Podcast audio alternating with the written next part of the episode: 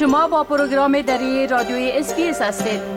گزارشات عالی را در sbs.com.au دری پیدا کنید.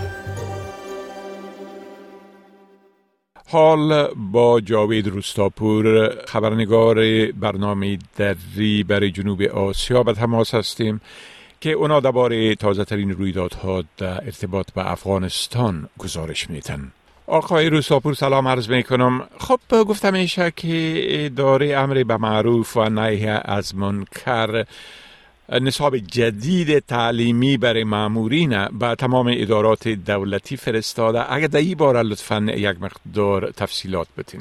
با سلام وقت شما بخیر. آقایش که برای امان گونه که شما اشاره کردین وزارت امر معروف و نهی از منکر طالبان اعلام کرد که به ادارات دولتی نصاب جدید آموزشی دینی ترتیب کرده محمد خالد حنفی سرپرست وزارت در نشستی با مسئولان دعوت و ارشاد ریاست عمومی و ادارات مستقل این نصاب جدید را توضیح کرد. این نصاب جدید که در 341 صفحه تایه و ترتیب شده مسائل عقیدتی و دینی را در بر می‌گیرد و آموزشی و آموزش این نصاب به کارمندان دولتی الزامی شده و آقای عرفی دستور داده تا این نصاب در ادارات دولتی به گونه جدی تدریس شود. طالبان پیش از این نصاب آموزشی مکتب ها و مدارس دینی را هم تغییر داده بودند و در شماری از ادارات دولتی هم تعلیمات دینی تدریس می‌شد و در مکاتب بعضی مزامین عصر شده بود که با واکنش های جدی مواجه شد. چند روز پیش هم در پوانتون بلخ اینا ترجمان و تفسیر قرآن بالای استادای پوانتون اجباری کردند که باید اینا آموزش ببینند که مسئله با واکنش های جدی امرا شد. بله خب گفتم میشه که وزارت معارف طالب با 700 مکتب خیالی را لغو کرده. بله. بله وزارت معارف طالبا گفته که پس از روی کار آمدن این گروه این وزارت تشکیلات حدود 700 مکتب خیالی را در سراسر کشور لغو کرده.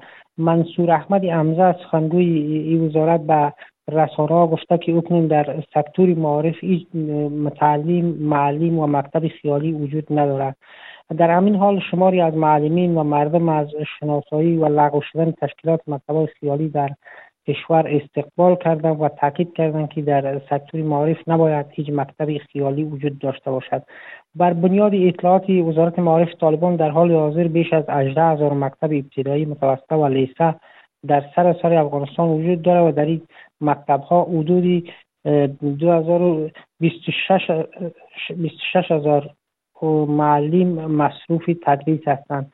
طالبان تاکید کردند که اینا با توسعه مکاتب و مدارس دینی ادامه خواهند داد و بودجه بیشتر به بخش معارف اختصاص خواهند داد. بله خب شورای علمای شیعه انتقاد کرده که خواست به خواسته هایشان از طرف طالبا پاسخ داده نشده بله؟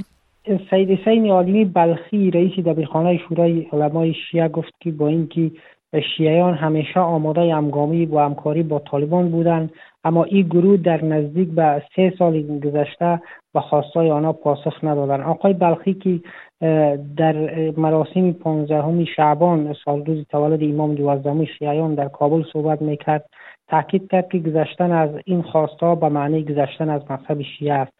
رسمیت این مذهب جعفری مشارکت در عرصه‌های سیاسی رسیدگی به پرونده های شیعیان برابر با مذهب جعفری آموزش فقه و عقاید شیعه در مکتبها و پوانتونا به متعلمین و معصلین شیعه از خواستهایی بود که به گفته آقای بلخی شورای علمای شیعه آنها را مطرح کرده بود. او گفت با انتقاد از طالبان پرسید که حالا چی مشکل دارد که شیعه برای اهل فصل دعوایشان به اساس فقه جعفری عمل کند؟ این در حالی است که پیش از این برخی از علمای اهل تشیع از طالبان به دلیل بیتوجهی به حقوقی از و شیعیان انتقاد کرده بودند. بله. خب همچنان گفتم این که طالبا به نشست شورای امنیت در باری افغانستان واکنش نشان داده. می‌تونین بگوین که این واکنش از چی قرار بوده؟ بله زبلای مجاهد سخنگوی طالبان با اعلام این مطلب که هر گونه تصمیمی در نشست های منطقه‌ای یا جهانی که اتخاذ شود و خلاف منافع افغانستان و گروه طالبان باشد هرگز اجرایی نخواهد شد. افزود که چنین مصوبات پذیرفته نیست. آقای مجاهد در گفتگو با رادیوی افغانستان گفت که قبلا هم گفته ایم از نشست های منطقی و بینالمللی در صورت استقبال می‌کنیم که در اماهنگی با گروه طالبان باشد.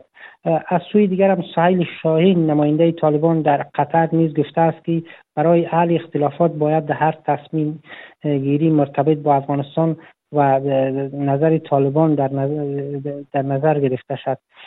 پس از نشستی دوها که به میزبانی کل سازمان ملل متحد در روزهای 29 و 30 با حضور نمایندگان ویژه کشورها برای افغانستان برگزار شد.